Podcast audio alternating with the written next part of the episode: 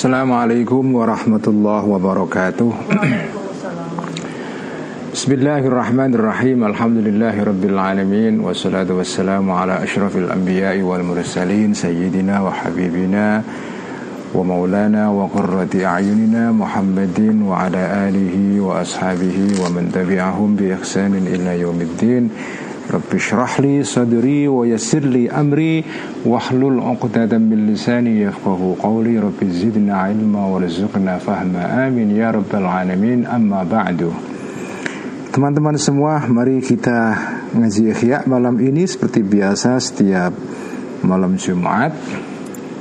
Dan mari kita mulai ngaji ini dengan menghadiahkan Al-Fatihah kepada junjungan kita Nabi besar Muhammad Sallallahu Alaihi Wasallam kepada istrinya, keluarganya dan uh, para sahabat tabiin dan tabiut tabiin kepada para uh, al-immatil mustahidin, para aulia, para ulama, para muallifin dan musannifin. Wabil khusus kita hadiahkan kepada Sultanul Aulia Asyamdul Qadir Al-Jilani Kepada Al-Imam Al-Junaid Al-Baghdadi Kepada para wali-wali Songo di tanah Nusantara terutama di Jawa.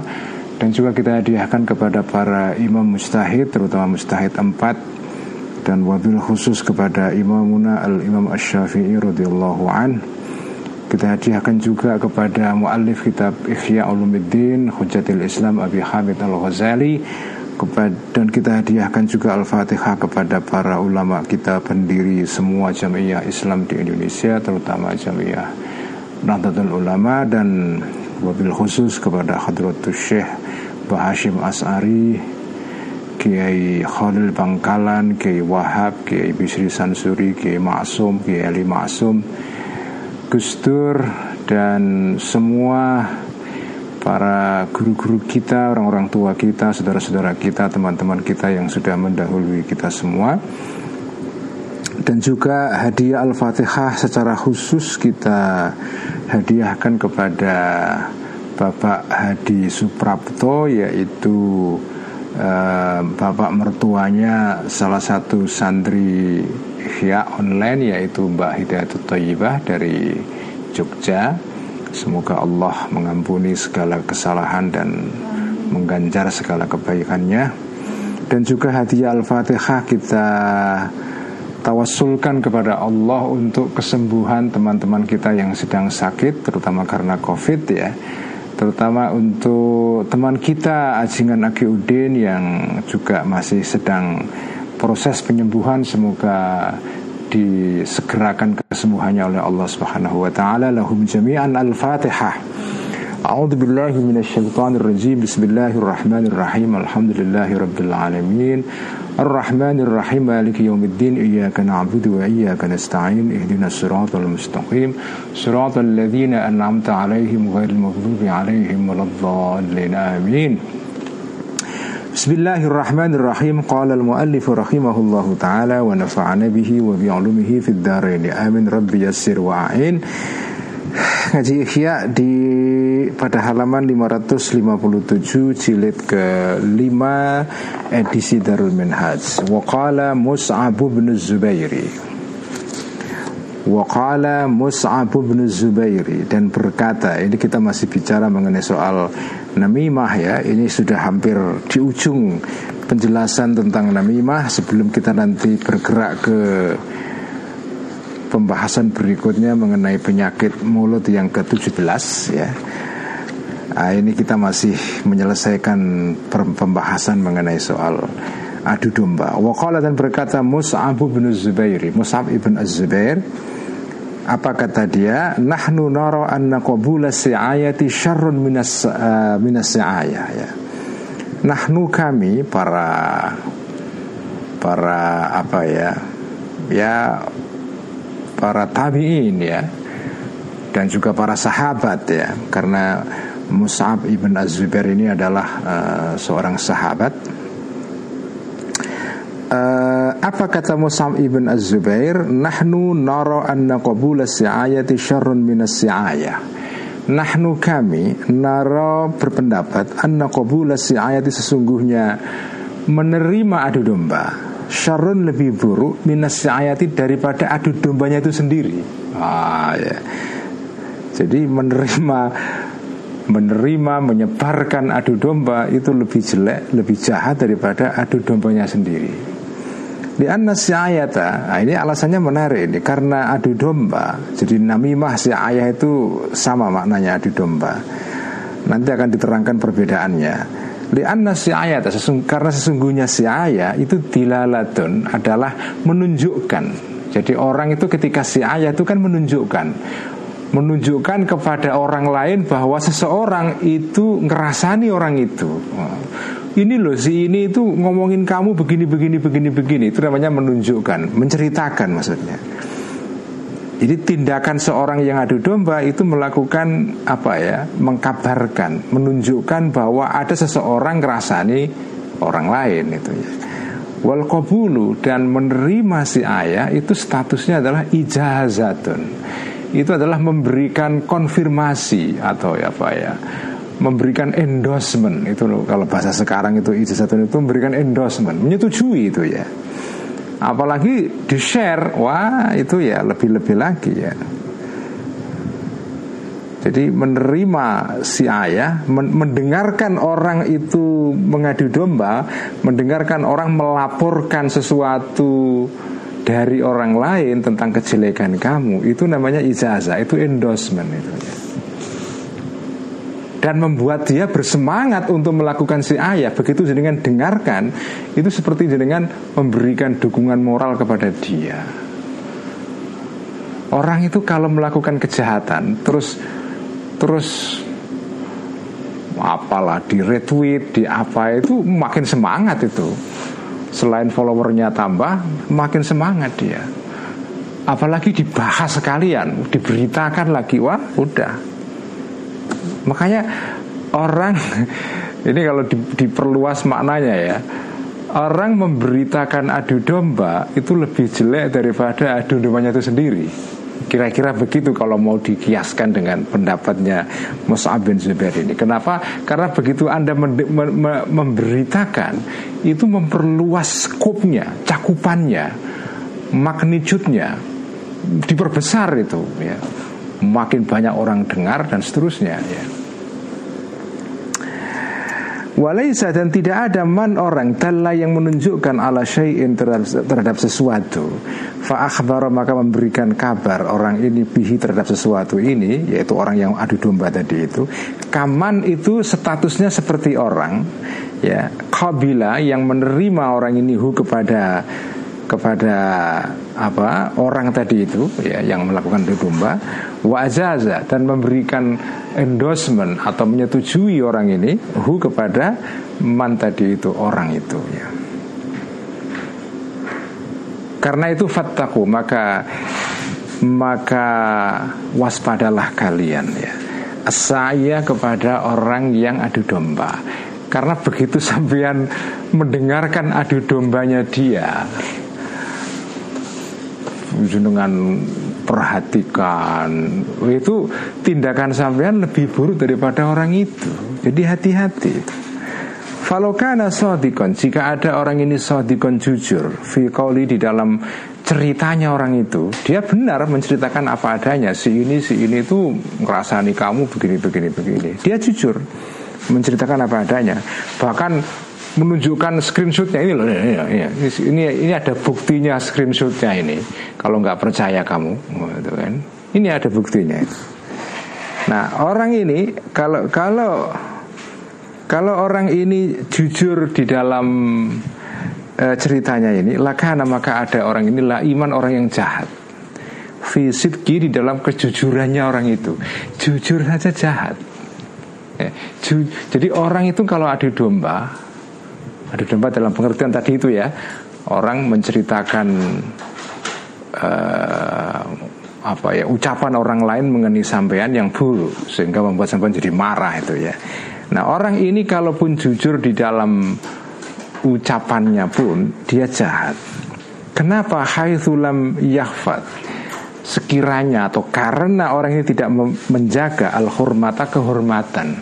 Kehormatan siapa? Kehormatan orang yang diceritakan kata-kata buruknya itu. Jadi misalnya ada orang ngerasani saya ya. Orang ini ngerasani dalam konteks apa? Misalnya yang ngomong terbatas ya. Mungkin untuk ya pembicaraan terus terbatas untuk sejumlah orang saja atau misalnya orang ngomongin jelek tentang saya di sebuah grup WhatsApp misalnya itu kan kalau jenengan bocorkan pembicaraan orang itu ke saya itu sampean sama dengan tidak menghormati orang itu. Memang orang itu berbuat jelek dengan cara ngomongi buruk saya. Tapi jenengan menceritakan, membocorkan rahasia orang itu kepada saya Itu sama dengan sampai tidak menghormati kehormatan orang itu Yaitu apa? Dia ngomong di dalam konteks terbatas Itu kan percakapan dalam grup WhatsApp lah kenapa kok sampai bocorkan ke saya? Jadi sampean itu dengan melakukan apa ya pembocoran informasi itu ya namimah itu itu sama dengan sampai nggak menghormati privasi orang itu. Ya tidak menghormati privasi orang itu. Walam yastur dan tidak menutupi orang ini al aurat ya. Yaitu ya auratnya orang yang ngerasani saya itu ya Jadi inilah pendapat Mus'ab ibn Az-Zubair Nah ini sebelum saya teruskan Saya akan cerita sedikit mengenai sosok satu ini Karena saya kalau membaca sebuah hadis atau atau riwayat itu saya selalu suka menelusuri siapa tokoh yang menceritakan ini ya. Mus'ab ibn Az-Zubair ini adalah uh, sosok yang penting diceritakan ya. Mus'ab bin Zubair ini adalah saudaranya ya saudaranya Abdullah ibn Az-Zubair putra dari sahabat besar yang merupakan salah satu sahabat yang pertama masuk Islam di Makkah ketika Nabi berdakwah. Itu salah satu orang yang jadi min awailil muslimin orang-orang yang masuk Islam pertama yaitu Az-Zubair ibn Al-Awwam. Nah dia punya putra banyak. Salah satunya adalah Abdullah ibn Az-Zubair. Mus'ab ibn Az-Zubair ini Kemudian juga Urwah ibn Az-Zubair. Jadi ini tiga bersaudara dan juga masih ada saudara mereka yang lain ya. Nah Abdullah ibn Az-Zubair itu kita kenal tokoh yang penting sekali uh, Saudaranya Mus'ab bin Zubair ini ya. Jadi Abdullah bin Zubair itu kita kenal Dia adalah salah satu orang yang uh, menentang atau memberontak kekuasaan Bani Umayyah di Damaskus ya. Yaitu pada masa uh, apa itu uh, Ziyad ya anaknya Muawiyah. Jadi ketika dinasti Muawiyah ya ketika Muawiyah meninggal dan kemudian uh, mengangkat anaknya yaitu siapa Yazid bin Muawiyah ya Yazid bin Muawiyah itu keputusan Muawiyah untuk mengangkat anaknya ini sebagai khalifah itu ditentang salah satunya oleh sahabat yang cukup penting yaitu uh, Abdullah bin Az-Zubair ya.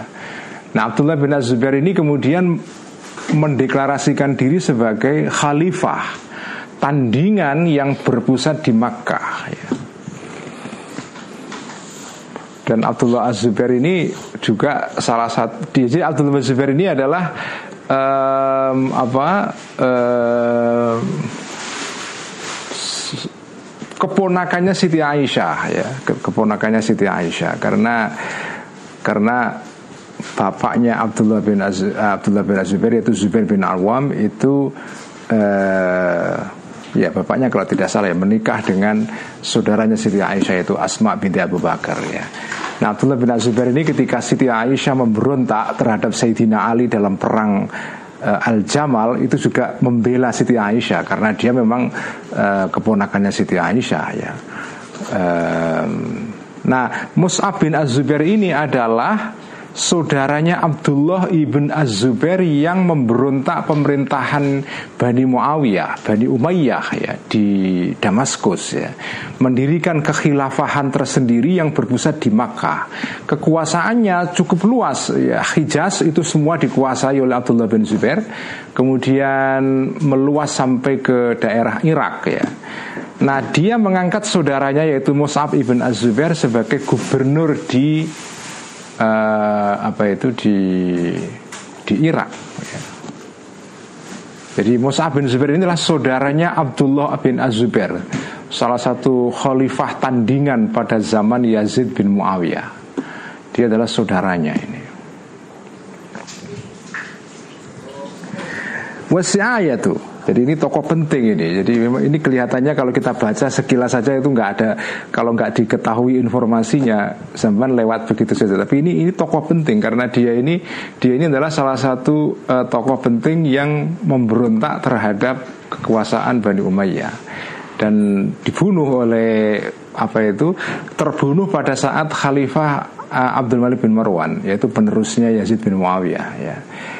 Nah kenapa Abdullah bin Az-Zubair ini kok menolak atau memberontak dan mendirikan kekhilafahan sendiri? Karena Abdullah bin Zubair ini merasa bahwa tindakan Muawiyah ibn Abi Sufyan Mengangkat anaknya sebagai khalifah Kemudian memulai tradisi kerajaan turun-temurun Itu dianggap aneh. Itu dianggap bukan sesuatu yang uh, khas orang-orang Arab. Orang Arab itu tidak mengenal tradisi kekuasaan turun-temurun. Kekuasaan dalam tradisi orang Arab itu sifatnya adalah dipilih secara ya secara kurang lebih demokratis ya. Jadi kekuasaan itu dipilih berdasarkan keputusan bersama. Itulah tradisi orang Arab. Ketika Muawiyah bin Abi Sufyan mengangkat anaknya untuk menjadi raja, meneruskan dia, ya. dan kemudian ini diteruskan oleh raja-raja berikutnya. Itu dianggap ini bid'ah politik yang yang aneh ya. Ini ini bukan tradisinya orang Arab. Ini tradisinya orang Persia orang Romawi kerajaan-kerajaan besar pada saat itu. Makanya marah ini Abdullah bin Zubair ini. Kemudian dia memberontak dan menyatakan diri untuk mendirikan negara terpisah ya. Meskipun kekuasaan Abdullah bin Zubair ini nggak lama karena akhirnya bisa ditundukkan, bisa dipadamkan pemberontakan mereka oleh Abdul Malik bin Marwan ya. Dan bahkan uh, adiknya Abdullah bin Zubair itu Mus'ab bin Zubair yang tokoh yang sedang kita bicarakan ini dibunuh ya karena dia merupakan gubernurnya Abdullah bin Zubair di daerah Irak di Basrah ya. Ya, itu sekilas mengenai tokoh ini ya. Baik, kita teruskan wasi'ayatu. Apa bedanya si ayah dengan namimah? Wasi'ayatu dan si ayah hian namimah itu yaitu sama dengan namimah, adu domba. Illa annaha kecuali sesungguhnya si ayah kanat e, jika ada si ayah ini ilaman yuhafu janibuhu. Si ayah madulke apa melaporkan ya dilaporkan itu ilaman kepada orang yuhafu janibuhu yang ditakuti uh, arahnya atau sisinya orang itu. Dalam pengertian orang ini disegani ditakuti kekuasaannya maka sumiat si ayatan disebut si ayah jadi si ayah itu adalah adu domba melaporkan informasi yang buruk kepada orang yang berkuasa jadi dengan melaporkan kepada penguasa itu namanya si ayah.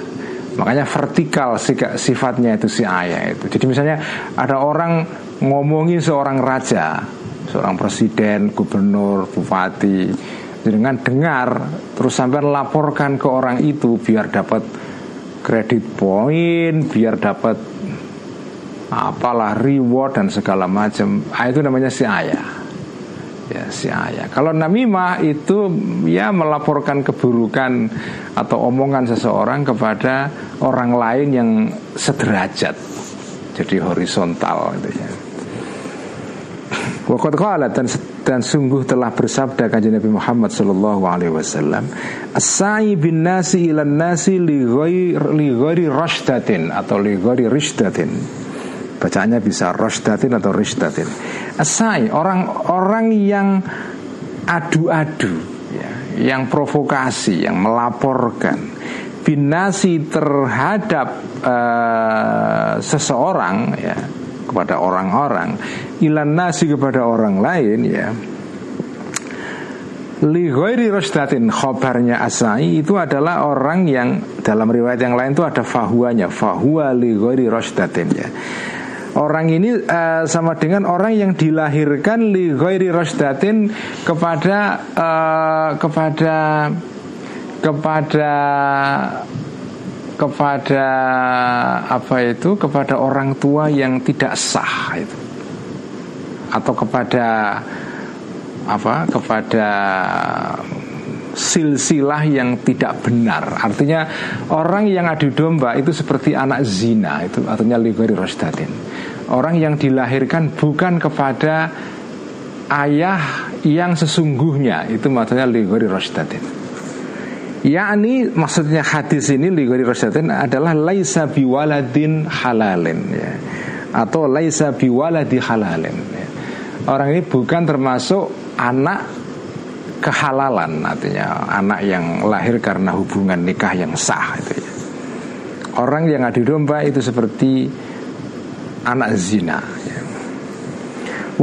Dan masuk sowan Rasulun seorang laki-laki ala Sulaimana ibni Abdul Malik kepada Sulaiman ibn Abdul Malik ini sudah kita baca kisahnya sebelumnya ya Sulaiman bin Abdul Malik yang didampingi oleh seorang ulama besar namanya Az-Zuhri Ibnu Syihab Az-Zuhri ya. Sudah kita baca kisahnya sebelum ini. Nah ini ada satu satu saat ada seseorang sowan kepada Sulaiman bin Abdul Malik. Fasta'dzanahu fil kalami. Maka minta izin orang ini, minta izin kepada Abdul kepada Sulaiman fil kalami untuk ngomong. Kemudian waqala dan berkatalah rajul atau laki-laki ini. Ini nggak jelas siapa namanya ya.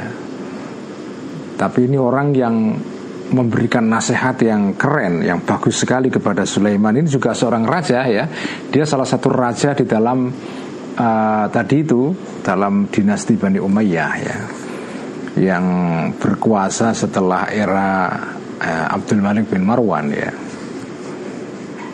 Ini mukallimuka ya amirul mu'minina. Ini sesungguhnya aku mukallimuka uh, akan berbicara aku kepada engkau ya Amirul Mukminin wahai raja. Bikalamin dengan pembicaraan ya. Saya menduga mungkin laki-laki ini adalah Az-Zuhri mungkin ya Karena dalam cerita sebelumnya kan dikatakan Sulaiman bin Abdul Malik ini kan dipunya seorang ulama yang dekat dengan dia Dan suka memberikan nasihat Namanya Ibnu Syihab Az-Zuhri Salah satu ulama besar yang sering kita baca riwayat hadisnya dalam kitab-kitab hadis Sahih Bukhari, Muslim dan seterusnya ya. Jadi wahai raja, aku ingin memberikan nasihat kepada kamu karena itu dan nasihat saya agak sedikit pedas, agak sedikit keras ini. Meskipun kalau untuk ukuran sekarang sih ini tidak keras ya, tapi dia khawatir ini menyinggung raja sehingga dipagari dulu. Faktamilhu Maka bersabarlah engkau wahai raja Untuk mendengarkan hu kepada kalam tadi. Wa ingkarihta Senajan atau walaupun tidak menyukai engkau hu kepada omonganku ini. Fa inna wara'ahu. Karena sesungguhnya di balik omongan saya ini Ma ada sesuatu Tuhibu yang akan uh, Menyukai engkau ya. Ingkobilta jika menerima engkau hu kepada omongan saya. Fakala maka berkatalah Sulaiman Kul oke. okay, Silakan kamu mau ngomong apa? Fakola maka berkatalah laki-laki ini Ya Amirul Mukminina Wahai Raja Innahu ya, Nasihat yang bagus sekali ini ya Innahu sesungguhnya Keadaan berikut ini Domir Syahan Kodik tanafaka telah mengepung kepada engkau rijalun orang-orang ibta'u yang membeli orang ini ya ka dunia kamu, kekayaan kamu, bidinihim dibayar dengan agamanya mereka. Mereka menjual agamanya, engkau wahai raja, waspadalah. Sampai ini dikelilingi oleh orang-orang yang siap menjual agamanya untuk mendapatkan kekayaan kamu. Waridhoka dan menjual keridoan kerido keridoanmu kerelaanmu bisa khati rabbihim. Dengan mendapatkan uh, kemarahannya kebenduannya. Bendu itu dalam bahasa Jawa artinya marah yang sangat marah sekali ya. Bisa khati rabbihim dengan uh, kemarahannya Tuhannya orang-orang ini. Dia rela membuat Tuhan marah demi menyenangkan engkau wahai raja khafuka. Mereka ini takutkah kepada engkau? Fillahi dalam Allah. Artinya mereka lebih men menakuti kamu daripada Allah. Walam yakhafu. Dan tidak takut mereka ini Allah Allah fika dalam hal kamu. Mereka lebih takut kepada kamu ya, daripada kepada Allah. Fala ta'man. Maka janganlah merasa aman engkau. Hum kepada mereka alama terhadap sesuatu iktamana yang memberikan kepercayaan ka kepada Allah kepada engkau Allahu Allah alaihi terhadap sesuatu tadi itu. Wala tusikh ya. Dan jangan mendengarkan engkau.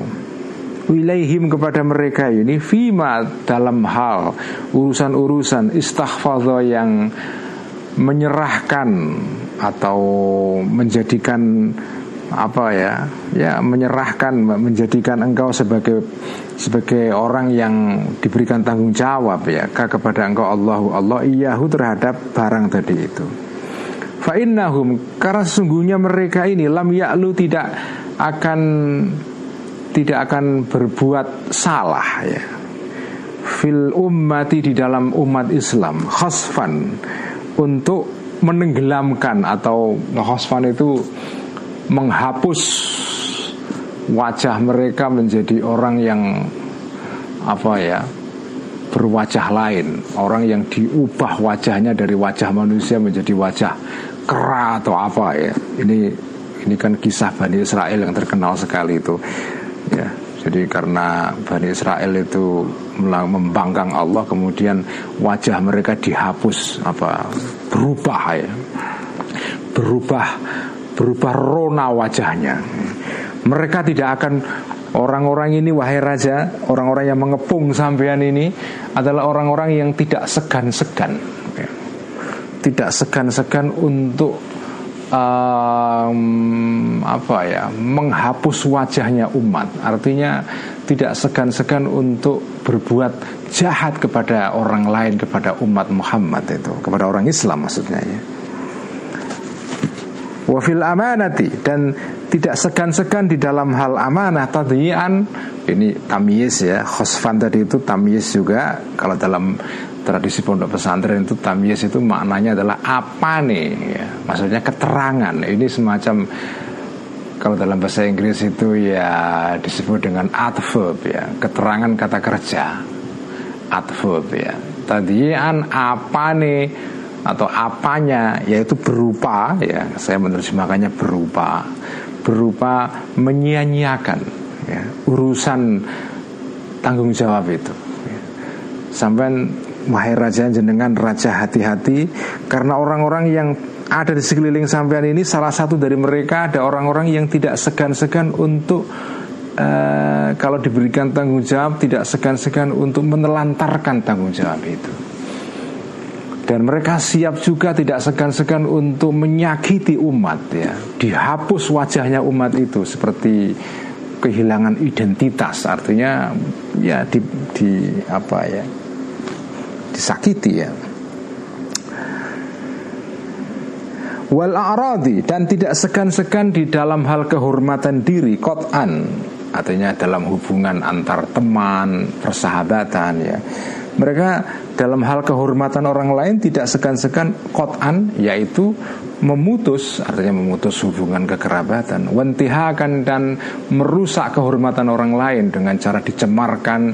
Ya, tadi itu termasuk dalam namimah itu. Jadi ini sampai hati-hati. Ini ada orang-orang yang siap juga mengadu domba sampean dengan orang lain. Ya. A'la kurabihim ibadah-ibadah mereka yang paling luhur itu adalah al-baghyu yaitu berbuat kejahatan wan namimatu dan mengadu domba. Itulah jadi itu ibadah mereka itu ya begitu itu. Artinya ritual mereka atau kelakuan mereka yang mereka maksudkan supaya bisa mendekatkan mereka kepada jenengan raja orang-orang itu kan kalau adu domba itu kan kepengennya dapat kredit poin dari raja supaya supaya dekat dengan raja. Itu kan salah satu caranya kan ngadu domba. Kasih informasi yang menyenangkan raja.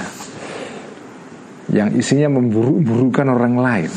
Itulah ibadah mereka itu. Wa ajallu wasailihim dan wasilah atau apa ya, ya lantaran mereka yang paling utama untuk dekat dengan sampean dengan jenengan raja. Cara mereka itu adalah al itu adalah ghibah ngerasani orang lain. Wal waqi'atu dan adu domba. Jadi namimah waqi'ah dan si ayah itu maknanya hampir mirip-mirip ya. Wa anta sementara engkau wahai raja mas'ulun akan dimintai tanggung jawab amma zitarohu terhadap hal-hal yang mereka lakukan. Karena ini ini asisten pembantu sampean semua ini. Pembantu jenengan raja. Jadi kalau mereka berbuat jahat berbuat dosa ya, ya jenengan bertanggung jawab memikul dosa mereka. Walaisu bimas'ulina. Dan tidak ada mereka ini bimas'ulina dimintai tanggung jawab. Amma amma terhadap sesuatu yang jenengan lakukan karena jenengan raja penguasa sampai bertanggung jawab. Sementara mereka tidak tidak tidak akan dimintai tanggung jawab terhadap terhadap apa yang sampai jenengan lakukan sebagai raja ya. karena itu falatuslih maka jangan memperbaiki engkau wahai raja.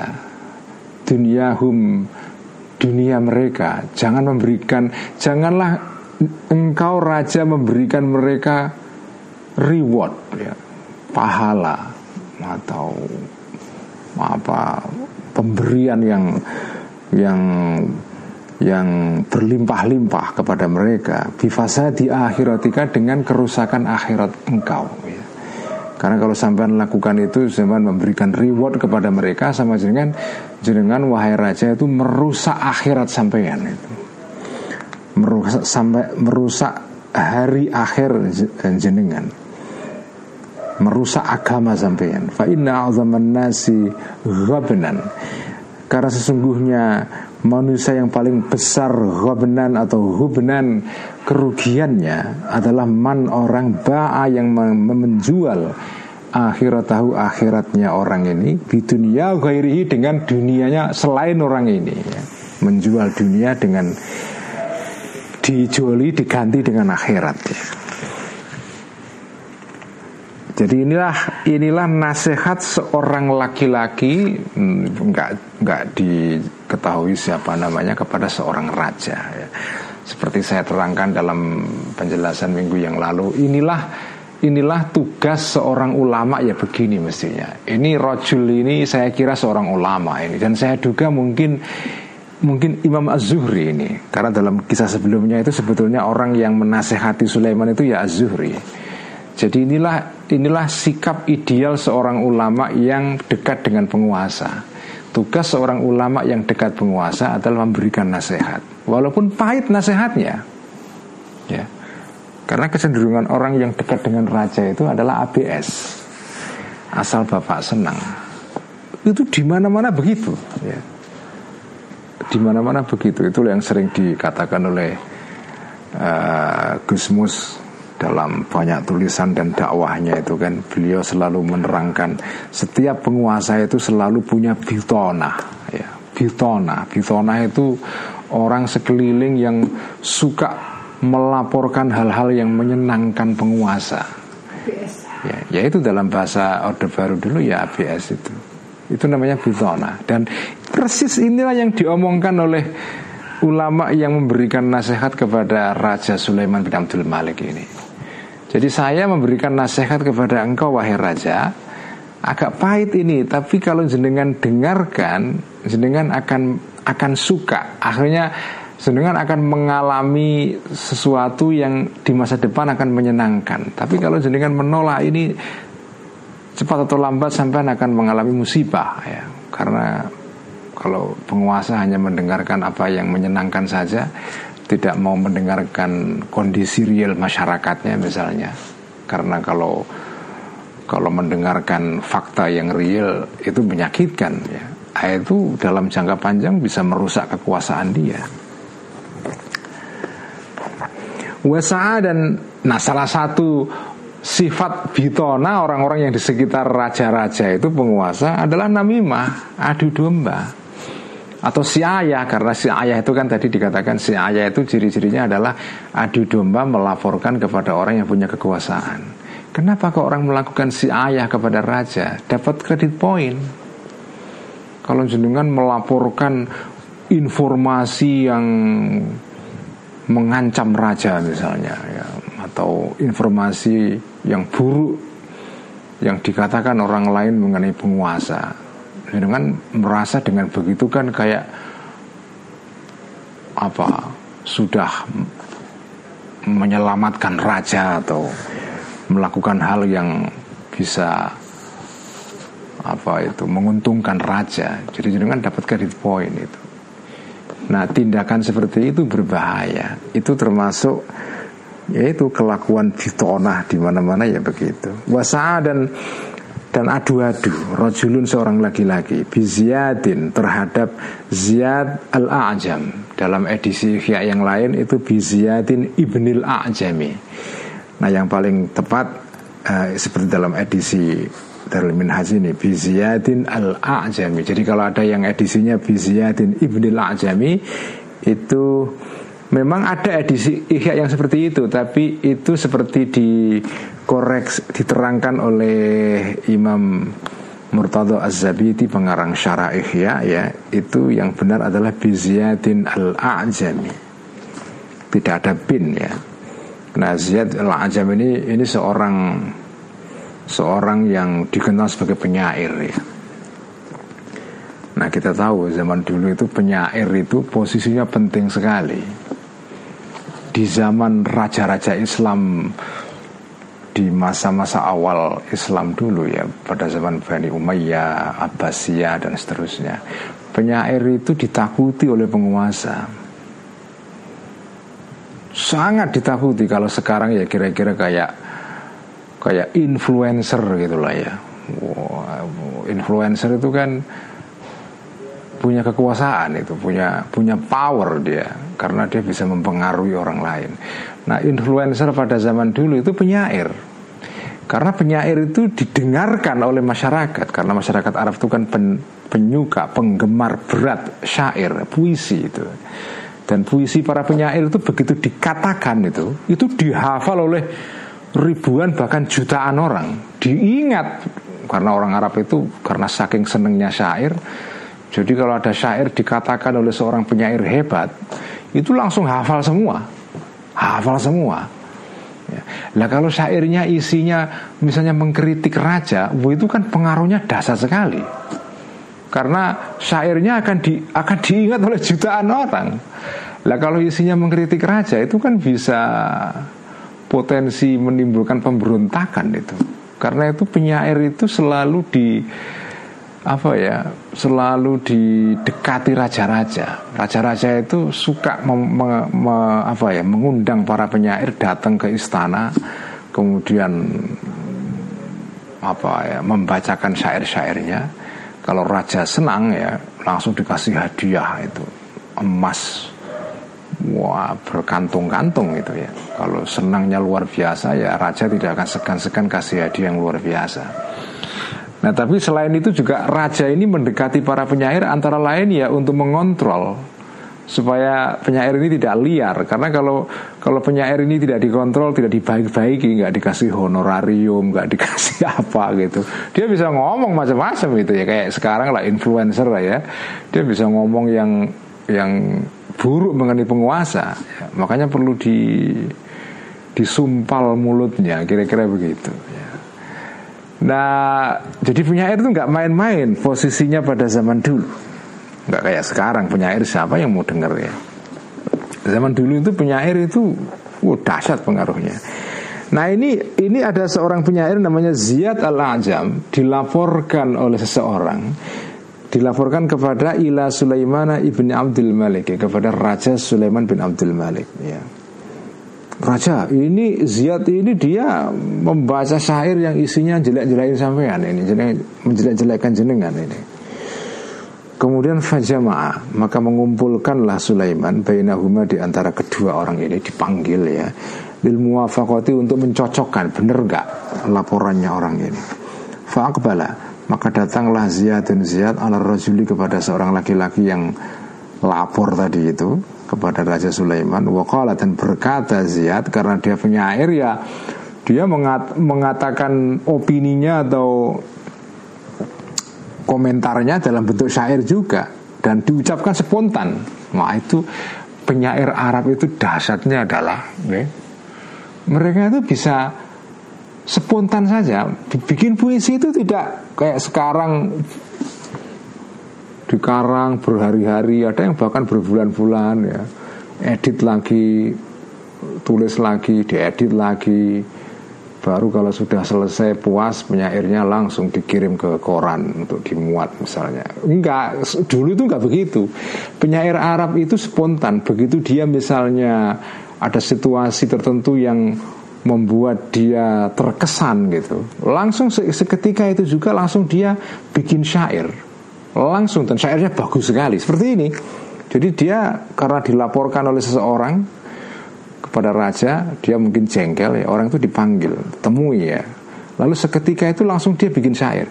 Dan kadang-kadang syairnya bukan satu dua. Bisa syairnya itu sampai seratus bait. Dan itu diucapkan kayak pidato. Kalau sekarang pidato lah ya pidato tapi ini dalam bentuk syair yang bersaja ada ada rimanya dan syair Arab itu kan ada kayak pantun Melayu begitu atau syair Melayu itu kan ada aturannya dalam setiap bait, dalam setiap kuplet misalnya itu harus harus suku katanya sekian, ketukannya begini. Dan itu harus konsisten aturan ini diikuti sampai sampai sampai akhir bait itu. Nah, ini kadang-kadang syair itu penyair itu bisa spontan dia mengucapkan syair itu banyak 100 bait misalnya. Dan itu diucapkan sekaligus secara spontan tanpa mikir. Itu yang disebut dengan apa ya syair yang diucapkan dengan irtijalan. Spontan irtijal ya irtijali ya. Itulah itulah salah satu kehebatan syair-syair Arab pada zaman dulu dan karena itu ditakuti. Ya.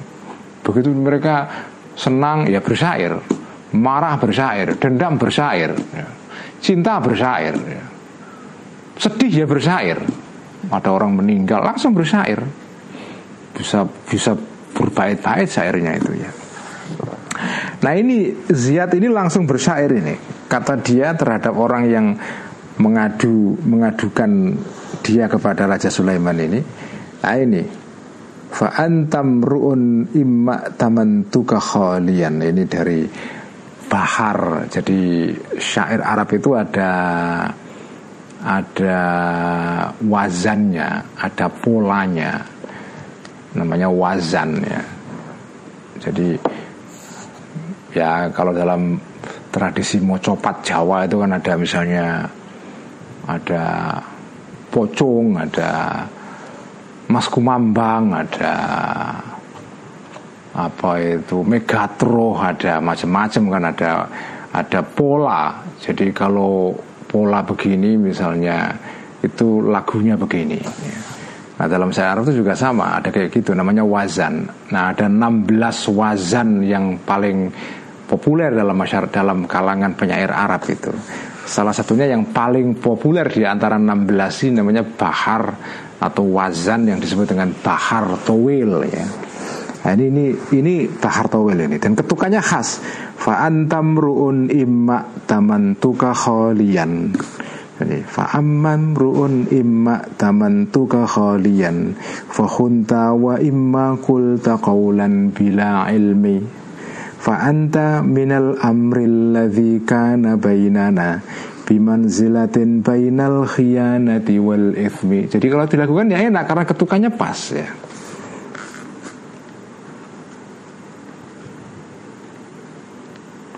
Fa'antam ru'un imma tamantuka khalian. Fa'antam ru'un Kamu ini adalah orang Imma tamantuka Ada kalanya Memberikan kepercayaan aku kepada engkau? Khalian secara murni kamu ini orang yang kalau saya kasih kepercayaan penuh Fahunta Maka berkhianat engkau Wa imma kulta Dan ada kalanya berkata engkau Kaulan ucapan bila ilmin tanpa ada pengetahuan, tanpa didasari pengetahuan. Kamu ini orang yang kalau dikasih kepercayaan berkhianat, kalau ngomong nggak pakai dasar, kamu ini sebetulnya apa ini ya? Jadi dia marah kepada orang yang melakukan adu domba kepada raja tadi itu dengan cara bersyair seperti ini ya. Kamu ini kalau dikasih kepercayaan penuh berkhianat kalau ngomong gak ada buktinya. Karena itu fa'anta maka engkau ini minal amri terhadap sesuatu ya alladzi bain alladzi kana bainana yang di, yang ada di antara kita. Kamu ini di dalam hal urusannya dengan aku ini ya. Itu adalah bimanzilatin adalah berada di sebuah tempat bainal khianati antara khianat wal ismi dan dosa. Kamu ini nggak ada baik-baiknya sama sekali. Kalau nggak khianat ya dosa. Nah, mungkin kalau orang sekarang di di apa ya dikomentari seperti ini mungkin nggak nggak merasa terganggu. Tapi pada zaman dulu kalau ada orang kok kemudian dikasih komentar oleh penyair itu itu bisa bisa hidupnya bisa sengsara itu. Kenapa? Karena syairnya orang ini seperti Ziyad bin Al-Ajam ini syairnya itu cepat atau lambat nanti akan di diketahui orang lain, didengarkan dan dihafal. Artinya kalau orang sudah di dibahas dalam bentuk syair itu namanya akan abadi. Kalau misalnya dibahas secara negatif, kejelekannya akan abadi. Enggak kalau sekarang kira-kira ya, kalau kalau sampean datanya sudah masuk di internet, di Google itu, mudah itu itu sengsara itu sampai kapan pun akan bisa dilacak terus apa itu namanya uh, jejak digitalnya itu kan dulu begitu kalau orang sudah di dibahas oleh seorang penyair seperti ini, udah mati dia, karena dia akan dikenal oleh banyak orang. Wow, kamu yang dibahas oleh penyair itu ya. Jadi, jadi syair itu kalau sekarang kayak di jejak digital. Begitu orang sudah dibahas buruk oleh seorang penyair, itu seperti seperti kehilangan muka itu. Karena syair itu begitu berharga. Karena ya tadi itu Karena syair itu ditulis dalam Atau dikatakan, diucapkan dalam bentuk Rima atau dalam bentuk tertentu yang yang mudah dihafalkan. Karena ada ada ketukannya, ada lagunya memudahkan untuk diingat. Sampai kapan pun? Sampai dalam kitab Ihya begini ini. Ini kan kejadian tahun berapa sampai sekarang syairnya masih masih diingat bahkan diabadikan dalam kitab itu ya. Makanya orang itu takut pada penyair ketika zaman itu ya. Sama dengan sekarang ya kira-kira orang takut pada Google. Ya kan? Orang sekarang takut pada Google karena begitu sudah diberitakan dan ada di Google. Itu sampai kapan pun nggak akan hilang itu. Ya, sampai kapan pun akan nggak ada nggak hilang itu. Makanya sekarang ada gerakan di Eropa untuk apa ya hak untuk dilupakan itu kan? Hak untuk dilupakan. Artinya apa berdasarkan gerakan ini atau ide tentang hak dilupakan ini begitu orang itu merasa terganggu oleh data dia yang masuk di Google dia bisa minta pengadilan menuntut Google untuk menghapuskan data data pribadi dia supaya dia tidak tidak datanya muncul terus diingat orang itu. Apa namanya right to oblivion atau apa itu ya. Jadi hak untuk dilupakan Nah kalau syair gimana menghapusnya? Karena begitu sudah dihap, sudah diucapkan orang ingat, udah susah dihapus itu. Itu kayak jejak digital di zaman modern itu ya. Wakalat dan berkata rajulun seorang laki-laki nggak kenal siapa namanya nggak dikenalnya.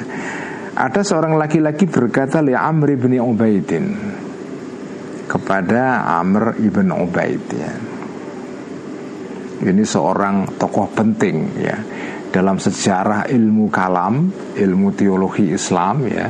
Amr bin Ubaid ini di, biasa dikenal sebagai tokoh awal gerakan Mu'tazilah ya.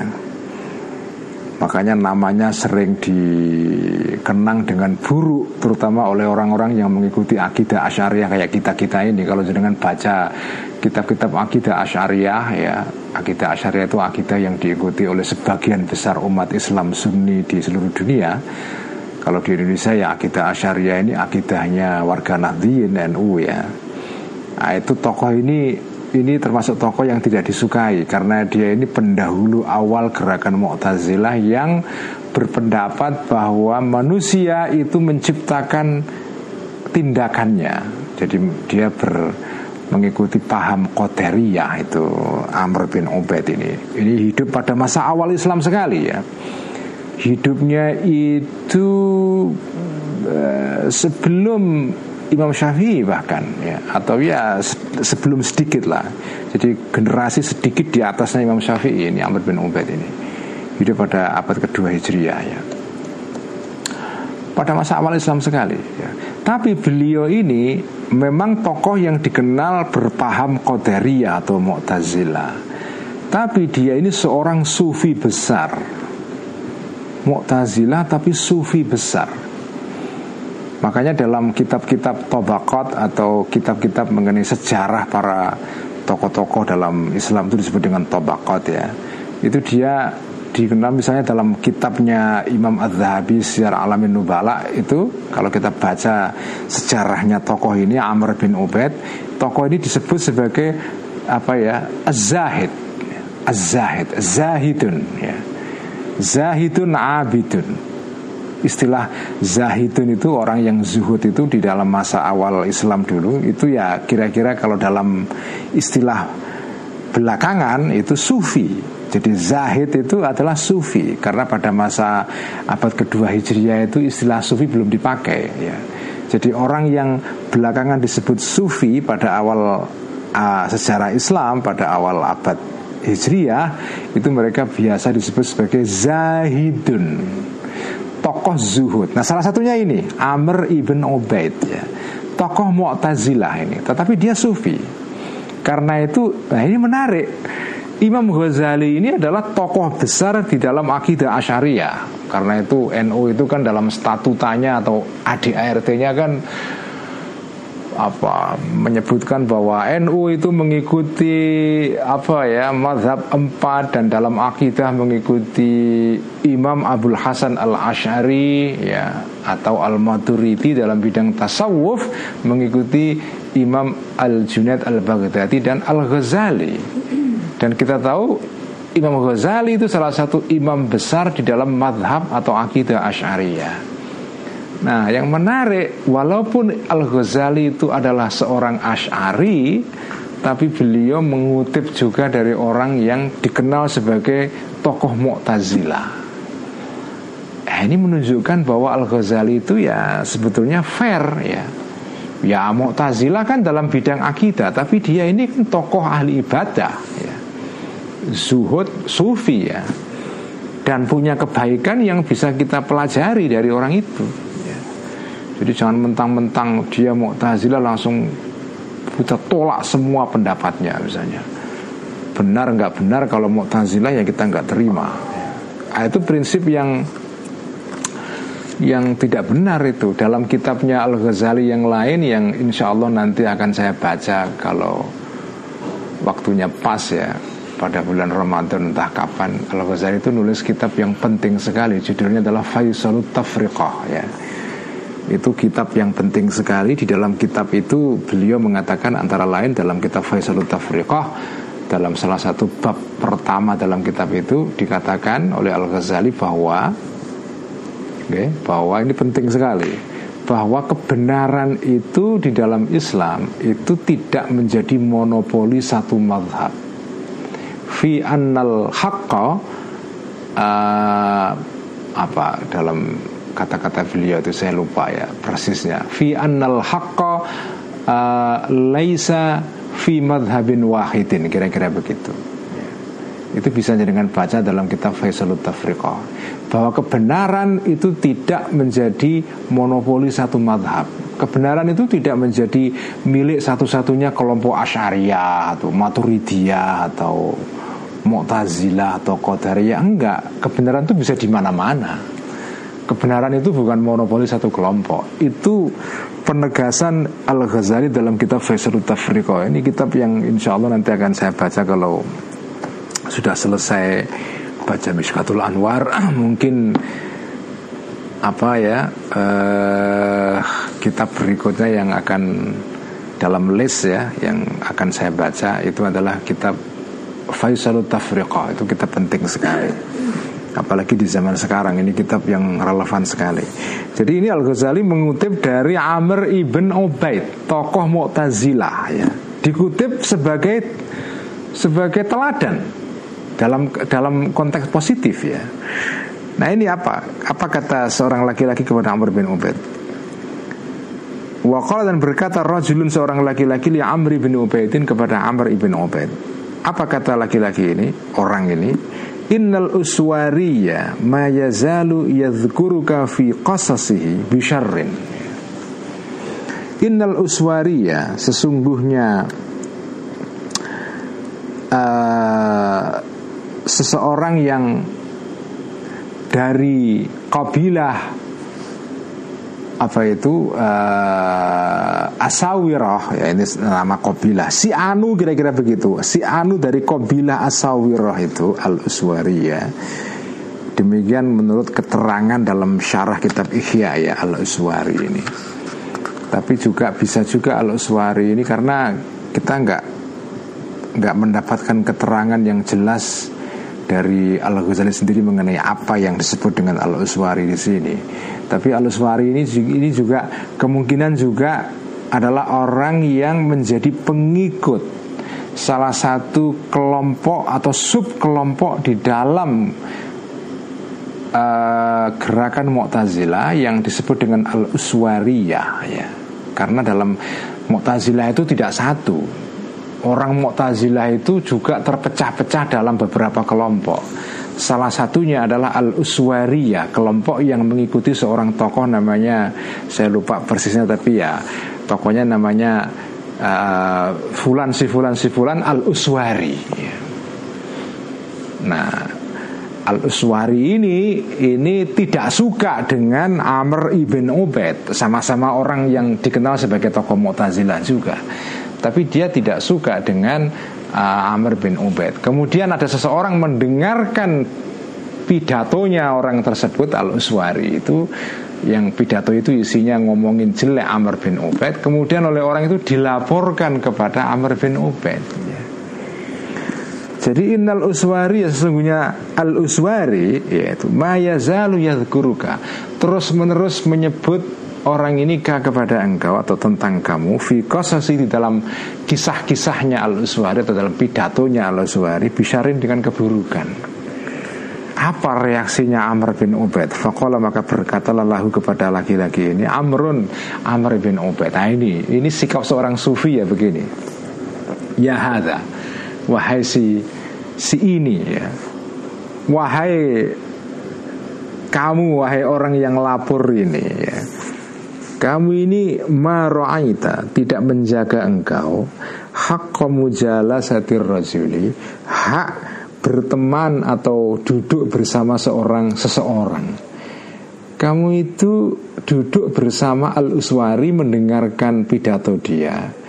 Itu mestinya ya udah kamu simpan untuk diri kamu sendiri. Kalau orang itu pidato ngomongin jelek Ya jangan dilaporkan ke orang lain yang diomongin sama dia Begitu kamu laporkan, kamu membuka aib dia, membuka privasi dia. Jadi dengan kamu melaporkan ke saya, kamu ini sama dengan tidak menghormati privasi dia.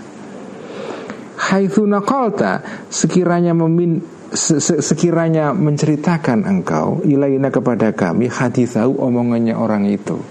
Jadi kira-kira kalau zaman sekarang zaman WhatsApp itu kamu ini kan kamu menjadi anggota sebuah grup WhatsApp. Di situ ada percakapan mengenai si A si B.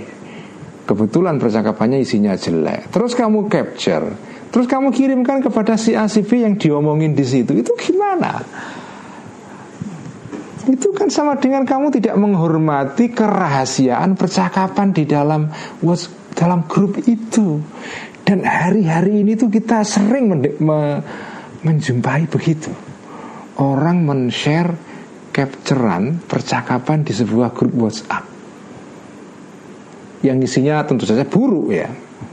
Di capture, disiarkan, di bung, apa ya, disebarkan itu.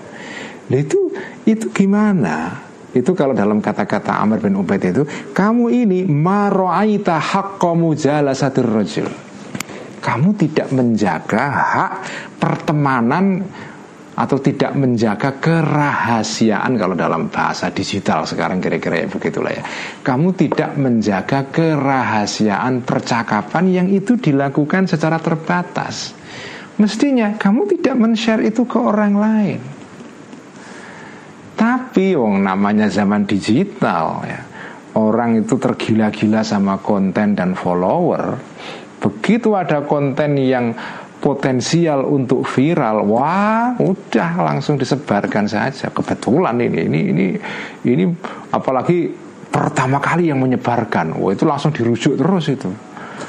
Itu potensial akan mendatangkan follower ribuan. Nah inilah kegilaan pada follower hari-hari ini ini menimbulkan implikasi yang luar biasa. Salah satunya begini nih, ya. menyebarkan percakapan terbatas, di capture, di share ke mana-mana. Jadi kamu ini tidak menjaga hak pertemanan. Wala adaita. Jadi ini ini bagus sekali ini pendapatnya Amr bin Ubay seorang tokoh Mu'tazilah ini ya. Di satu pihak kamu tidak menghormati privasi orang di pihak lain wala adaita dan tidak melakukan atau memenuhi kamu haki hakku hakku pun juga kamu langgar. Kenapa? Hina ablagta. Ketika menyampaikan engkau ni kepadaku An ahi mengenai saudaraku Yaitu yang ngomongin jelek saya ini Kamu menceritakan kepada saya ma, Dari dia Ma sesuatu akrohu yang tidak menyukai aku Kepada sesuatu itu. Kamu menceritakan sesuatu yang aku nggak senang. Itu itu kamu ganggu kamu men mencederai privasi orang itu terhadap aku. Kamu membuat aku sakit hati. Jadi kamu ini ini etika ini ya ini penting banget. Namimah ini menurut saya menurut saya ajaran larangan namimah ini ajaran penting. Makin relevan ya ajaran ini hari-hari ini ya. Karena begitu banyaknya kita membaca orang membocorkan percakapan yang mestinya itu percakapan personal gitu ya. Enggak hanya itu ada rapat apa gitu notulan notulensinya itu bisa bocor. Bisa bocor itu. Ya. Bisa bocor itu ya. Makanya ada Wikileaks ada Wikileaks ya, ada Wikipedia yang khusus untuk nadai bocoran gitu. Walakin ablighu. Ya. Walakin tetapi abligh ya. Sampaikanlah engkau hu kepada saudaraku ini. Uh, Annal mauta.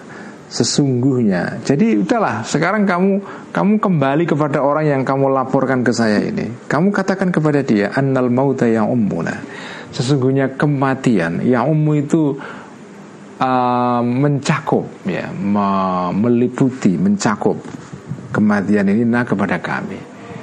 Orang yang kerasani aku dan aku Nanti akhirnya ya mati dua-duanya. Kamu yang yang adul-adul, yang adu-adu Ya mati juga. Wal qabro dan kuburan nanti itu ya dumu akan mencakup Akan mengumpulkan kuburan ini Nah kepada kami semua Wal kiamat dan kiamat nanti di hari akhir tajma'una akan mengumpulkan kiamat ini kepada kita. Kita nanti kembalinya semua pada hari kiamat itu nanti ya kepada Allah Subhanahu wa taala. Apa sih yang kamu yang kamu cari itu apa? Ya. Kamu nge-share nge-share begitu itu apa yang kamu cari itu? Follower apa sih follower itu? Nanti juga akhirnya kita mati semua. Yang followernya satu juta ya mati yang followernya nol ya mati. Semuanya orang itu akan mati. Dan ketika mati nggak ada gunanya follower itu. Wallahu ta'ala dan Allah ta'ala yahkumu akan menjadi hakim Akan menghukumi Allah ini Bainana di antara kita semua. Dan Allah ini wahua dalam keadaan jumlah haliyah Allah ini adalah khairul hakimina Adalah sebaik-baik para hakim-hakim itu ya.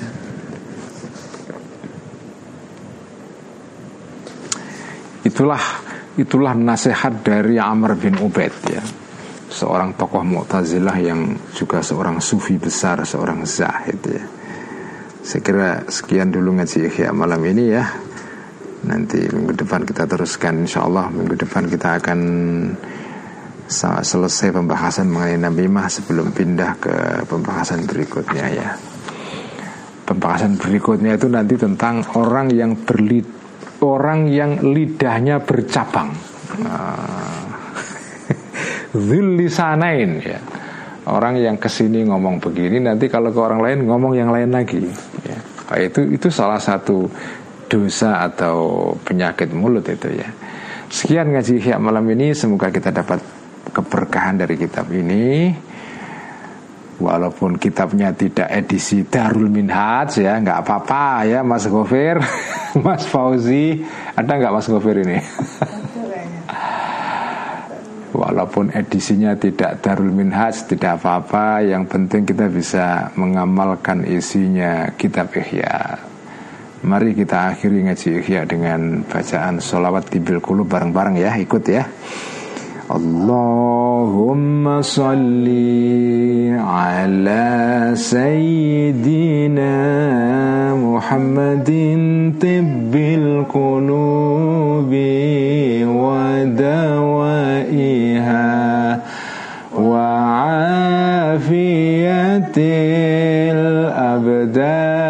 wa shifaiha ونور الأبصار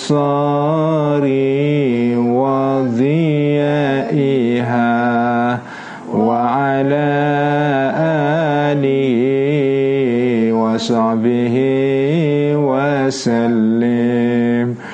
اللهم صلِّ على سيدنا محمد طب القلوب ودوائها وعافية الأبدان وشفائها ونور الأبصار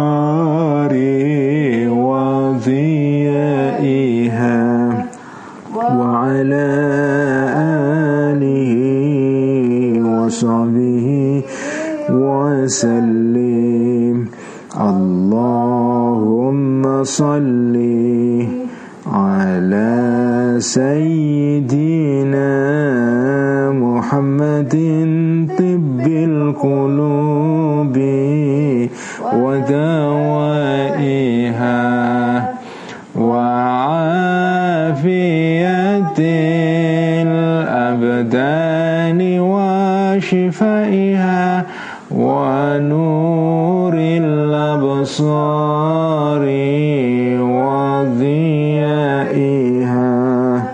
وعلى آله وصحبه وسلم sekian wassalamualaikum warahmatullahi wabarakatuh terima kasih kepada teman-teman yang di space ada Cak Fu makasih Cak Fu. Ada Mbak Dian Mas Alfi Mas Rizky. Ada proletariat ini. Siapa ini